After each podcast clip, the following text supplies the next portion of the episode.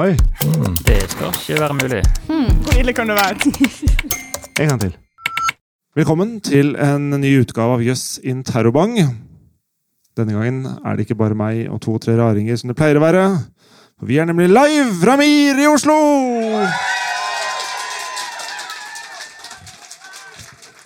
Og det er jo så hyggelig.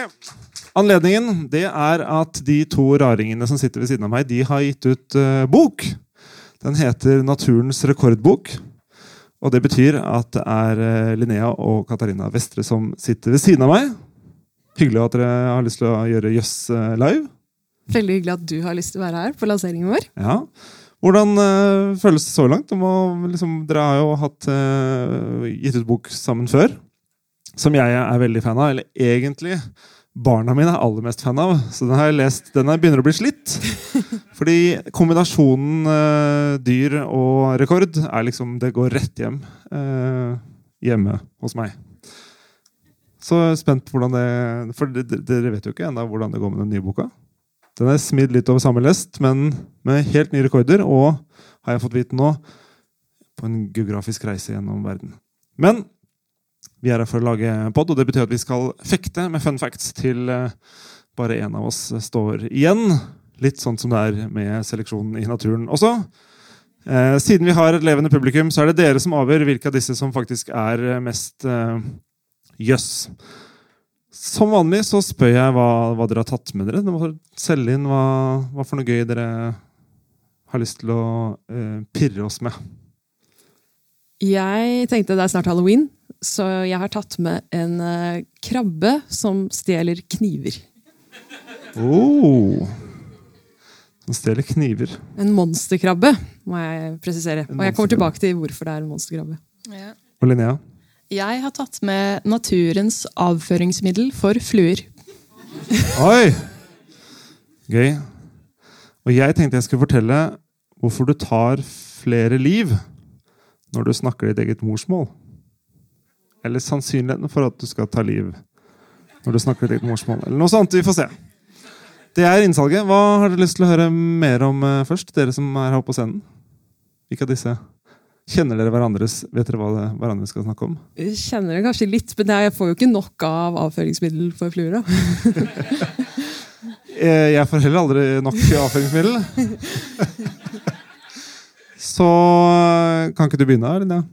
Jo, jeg kan godt begynne. Fortell. Da tror jeg rett og slett jeg må begynne med å lese noen meldinger som jeg fikk av Katarina for en liten stund siden. For det er der historien på en måte begynner. Oi. Eh, skal vi se. For et dramaturgisk grep. Ja. Og dette var da fire meldinger som jeg fikk fire dager etter hverandre.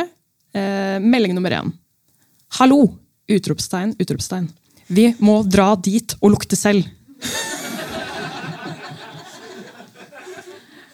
Dag to. Vi må gå og lukte på stangsoppen. Dag tre. Skal vi sniffe stanksopp i morgen? Og dag fire. Møtes etter det, ca. 13. Kan jo møtes utenfor deg og stikke bort til stanksopp først. Så det er sånn det er å være søsteren til Katarina. Men uh, Var det noe respons imellom der, eller var det, var det det var kommunikasjon mellom òg, men det Ja. kom hele tiden nye stanksoppmeldinger. Ikke sant? Så Du sa jo sånn Ja, det må Ja, vi! ja. Jeg sa det. Men det kom, det, det, hun ga seg ikke før vi faktisk da dro til Botanisk hage for å se på og ikke minst lukte på stangsopp. Eh, Men først så føler jeg litt for å kommentere på eh, navnene på stangsoppene. Fordi de har veldig bra latinske navn. De heter f.eks. Eh, fallus duplicatus. Fallus minusculus. Og fallus impudicus. Den skamløse. Men det var faktisk ikke en eh, fallus eh, vi bare så på. Det har jeg funnet ut av. Det var en uh, mutinus. Og uh, det er jo selvfølgelig også et uh, fallosnavn, for det er en fallosgud. Så alle forskerne er veldig enige om hva de ser ut som. Mannlige forskere, eller er det kvinnelige også? Ja. er det ikke sånn alle biologer er, eller? Men du må jo liksom forholde deg en del til eh, formering og kjønnsorganer og diverse når du studerer biologi. Det er sant. Ja, legger ikke noe mellom, i hvert fall. Nei, hvorfor det? Altså, ja, men har du sett den soppen? Den er jo Trenger Ja. ikke bruke fantasien. Jeg har jo sett den soppen, for vi dro jo for å se på den.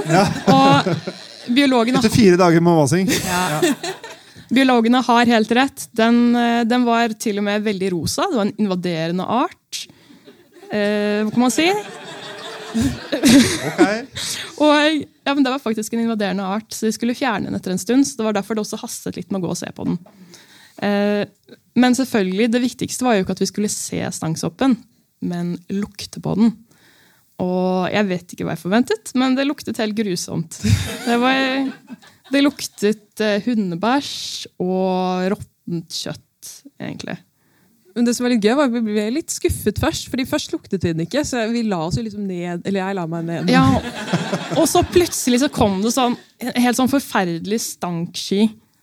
Og, men det er jo litt det som er poenget her òg, fordi hvorfor? Hvorfor stinker den? Den er jo ikke råtten. Og da er det jo sånn som regel i naturen at når noe lukter helt grusomt, så er det for at det skal lukte veldig godt for et dyr med veldig dårlig smak. Og det er selvfølgelig fluen. Fordi den, den soppen har da sporene sine i et sånt stinkende brunt eh, slim som eh, fluene syns lukter kjempegodt. De kommer flyvende, setter seg på, slurper i seg masse slim. Og så frakter de da de sporene inn i magen sin til nye steder. Men her er greia. Den, eh, og spesielt da den impudicus-soppen. Den er eksperten på dette. og Den har vi også skrevet om i boka. Den vil ikke at familien skal bli for spredt. Den vil gjerne at, eh, at de andre soppene skal dukke opp litt i nærheten der hvor den har funnet et bra sted, som f.eks. er utenfor grevlingreir. fordi der er det alltid masse døde grevlingunger som råtner. Så det er et perfekt sted. Så koselig, ja. Veldig koselig. Eh, så den sørger for at flua ikke kommer seg så veldig langt før sporene kommer ut igjen. Ved at det slimet den akkurat spiste, inneholder et veldig potent avføringsmiddel for fluer. Veldig, veldig bra. Og jeg syns også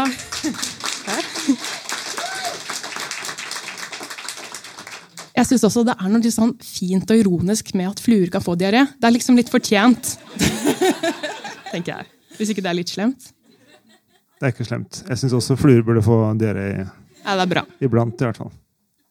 Men det er ikke alltid jeg skjønner deg helt. da, for jeg, som, jeg foreslår å ha ting med i boka, så sier jeg, Linnea at det er for drøyt. Og så sier jeg sånn ok, jeg fant noe gøy om, om stangshoppen, men jeg tror det er for drøyt. Den er et avføringsmiddel for fluer. Og så sier Linnea nei, dette!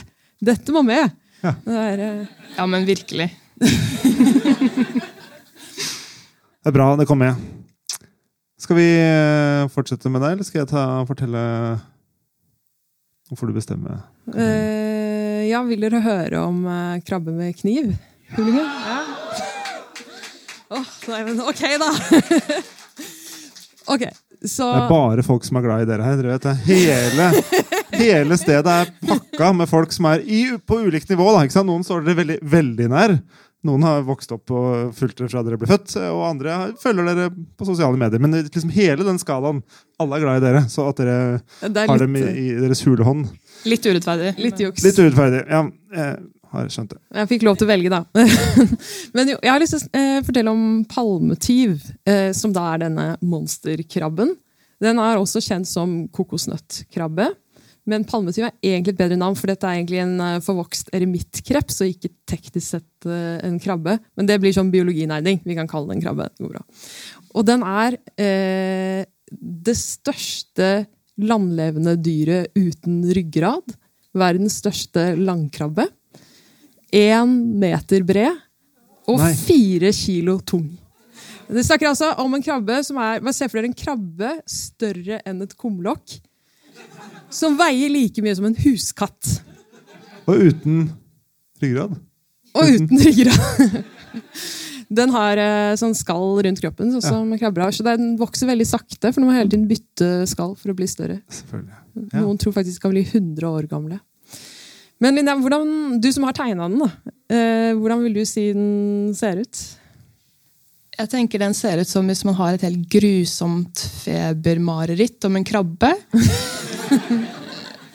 Eh, Men ellers er den, den er veldig fargerik, faktisk. Jeg syns den ser litt sånn alien-aktig ut, fordi Ja. den er liksom, liksom litt sånn lilla skjær over den. Ja, Den ser ut som grusom krabbe fra en sci-fi horrorfilm. Rett og slett. Men den kokosnøttkrabben er veldig glad i å spise kokosnøtter, som i og for seg ikke er så skummelt. Det er jo litt hyggelig. Men den har sånn lurt triks med at den sånn, eh, klatrer opp i kokospannene. Kapper den toppen og setter sugerør nedi? Enda bedre. Den har eh, et, eh, noen av de sterkeste klørne vi vet om. Eh, de aller sterkeste er det vel. De er like sterke som et leopardbitt. Så er, sånn- den kan Har ikke noe, jeg, har, det, Jeg har ikke noe forhold til leopardbitt. Ok, Fire ganger sterkere enn du kan bite. oi, det gir meg Ja, Ja. skjønner. Mm. Eh, som den bruker å åpne kokosnøtter, som den liksom denger ned i bakken fra pannene. Men den spiser ikke bare kokosnøtter. Den er en uh, alteter. Og det er liksom det som gjør den litt skummel, for den kan også jakte på eh, fugler og rotter. Du snakker altså en krabbe som spiser pattedyrkjøtt. Sniker seg innpå dem og denger løs med kjempeklørne sine.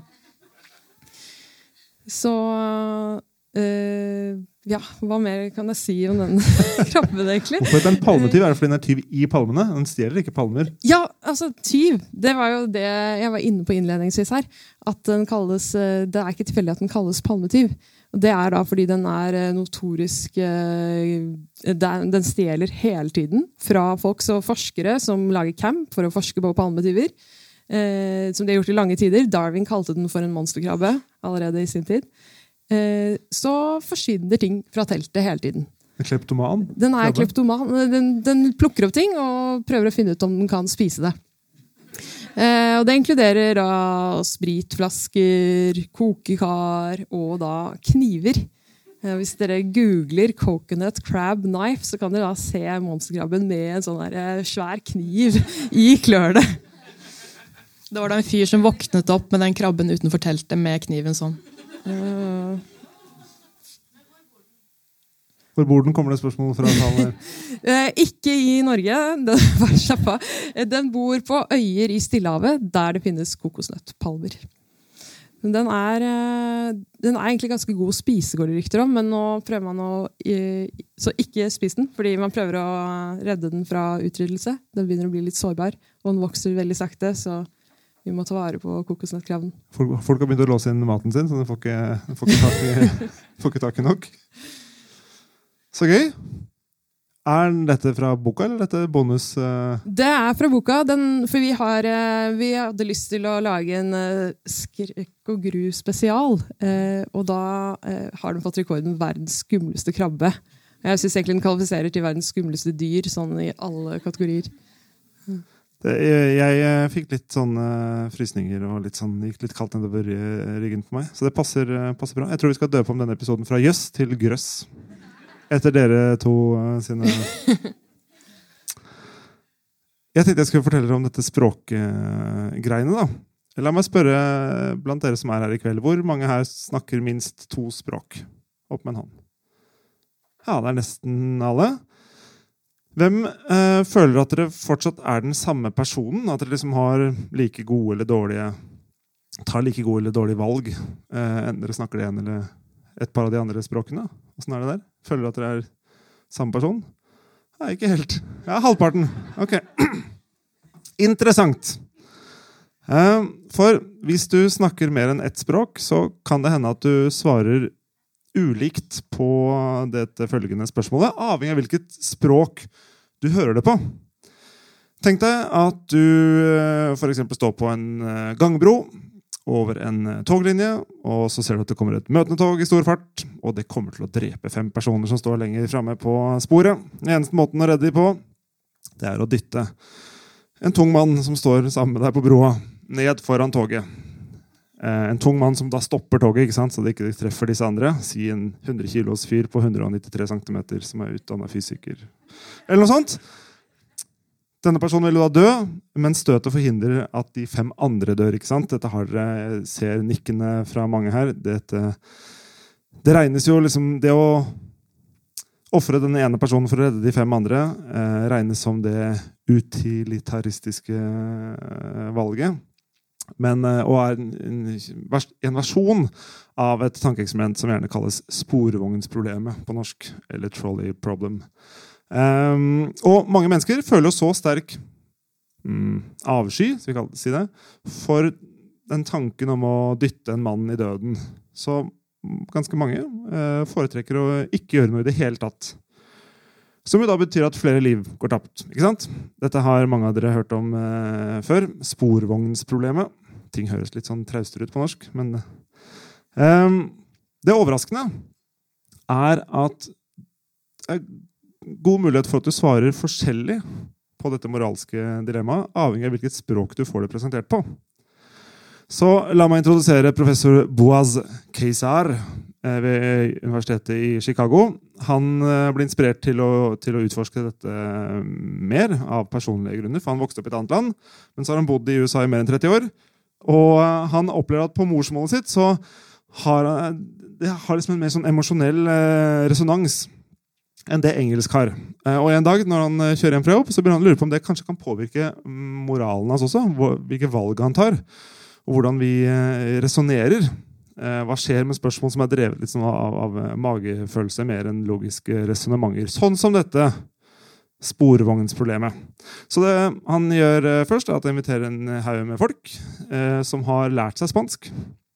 De har spansk som andrespråk, og skal de vurdere eh, dette sporvognsdilemmaet. Halvparten eh, får det da presentert på morsmålet sitt, den andre halvparten får det presentert på spansk.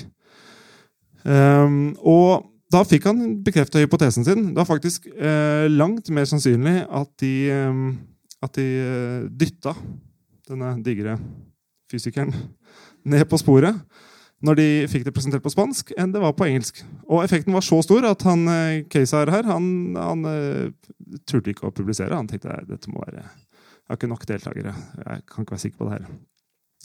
Han trodde ikke på dataen, rett og slett. Men så fikk han en forsker eh, ved et universitet i Barcelona til å gjenta forsøket, men motsatt, da, ikke sant? for der snakker de eh, spansk. Så han eh, fikk noen som hadde lært seg engelsk, og de kom til samme resultat. Og deretter har det blitt gjort andre steder i verden på mange ulike språk. Og det samme bildet tegner seg. I en av studiene jeg fant, så hadde faktisk deltakerne dobbelt så stor sannsynlighet for å dytte en person i døden når de snakka sitt andre språk enn sitt første språk. Er ikke det rart? Skulle tro at du har liksom samme verdigrunnlag i bånn. Men, eh, men sånn er det. Eh, og det som er litt gøy, eller rart, er jo at eh, hvordan vi svarer på moralske dilemmaer, er bare én ting. Det fins også forskning som tyder på at det, å bytte språk kan være med på å forme minnene våre. Det kan påvirke hvordan vi tar økonomiske beslutninger, eller hvor egoistiske vi er. For psykologer elsker å sette opp sånne eksperimenter for å, for å finne ut hvordan vi oppfører oss. Eh, det å snakke et andre språk istedenfor morsmålet vårt eller førstespråket vårt kan eh, til og med gjøre at du blir mer rasjonelle, mer åpne og bedre rusta til å håndtere usikkerhet. Og dette her kalles fremmedspråkseffekten. Eh, og det kan slå ut selvfølgelig både positivt og, og negativt. Eh, viktig, må jeg si, ikke forveksle denne effekten med noe som heter lingvistisk determinisme, nemlig at språk, hvordan språk er utformet, påvirker hvordan vi oppfatter verden på. Altså eksempel hvis eh, farger eh, har ulike koblinger på ulike språk, kan være koblet noe positivt eller noe negativt, så vil det påvirke. Eller, eller, eller en del språk snakker om ting i ulike tidsform. Sant? Og det kan også påvirke hvordan vi det, det handler ikke om språket, for det funker begge veier. Altså spansk-engelsk, engelsk-spansk. Og dere, bøkene deres øh, oversettes jo til så mange språk. Tenk at folk som leser boka på et andre språk, ikke sitt første språk, kanskje oppfatter boka annerledes. Da er det bare koselig med den krabben. På, Ja, ikke sant? På et annet språk. På er- færøysk er den veldig hyggelig. så er det bare koselig. Ja.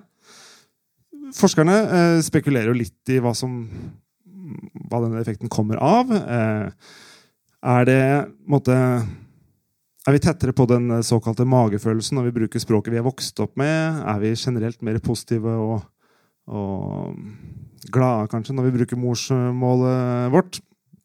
Eh, det, det vet vi jo ikke helt. Vi vet bare at det er sånn, for det har blitt testa mange steder på planeten i ulike kulturer med ulike språk og ulike forskere som har gjort det samme eksperimentet. Eh, men det jeg syns er eh, som gjør det litt ekstra interessant, i tillegg til at det er spennende når man skal oversette bøker til andre språk, er at det er så mange altså, viktige avgjørelser som gjøres i verden i dag. I FN, i Nato, i EU osv. Som tas nettopp på andre språk. Tredje språk eller fjerde språk. Språk du ikke liksom er, er dus med. da. Og da blir det plutselig litt sånn uh, Litt uh, større. Så um, jeg kan legge til at det er elleve år siden han har publiserte den første artikkelen. Uh, og i den samme perioden så har mange andre psykologiske funn smuldra opp under granskning. Det er litt, rett og slett en liten sånn revolusjon pågående i psykologiforskning. Men ikke denne fremmedspråkeffekten. Den har på en måte bare forsterket seg. Så dette tror vi er, er tilfellet. Så hvis dere vil være litt mer rasjonelle og ta bedre valg i livet deres, prøv å lese om det eller diskutere det på et fremmedspråk. Det er vel egentlig det det konkluderer med. Det var min lille ting, og det betyr at vi er kommet til avslutningen der dere i publikum denne gangen skal avgjøre hvilke av disse fun factsene dere kommer til å ta med dere videre, kanskje. Gjenfortelle, huske, drømme om. Jeg vet ikke. Dere må legge i jøss akkurat hva dere vil, men eh, vi stemmer med applaus. Så Linnea og Stinkende sopp, som har avføringsmiddel.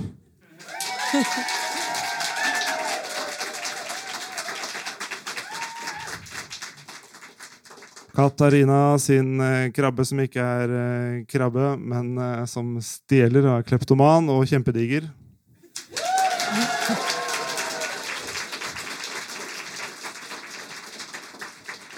Eller det faktum at et annet språk får deg til å ta andre moralske valg og kanskje dytte en stor fyr over gangbroa. Det var ikke meg, i hvert fall. Hvem, var, jeg, jeg, klarte ikke å høre forskjell. Hvem var det som fikk med høyest applaus her? Jeg tror det var uh, avføringsmiddelet. Jeg, avføringsmiddelet, jeg bøyer meg i støvet. det som uh, kommer ut bak, gikk til topps. Ja. Da tar du med deg seieren i din uh, første Jøss, Linnea. Gratulerer.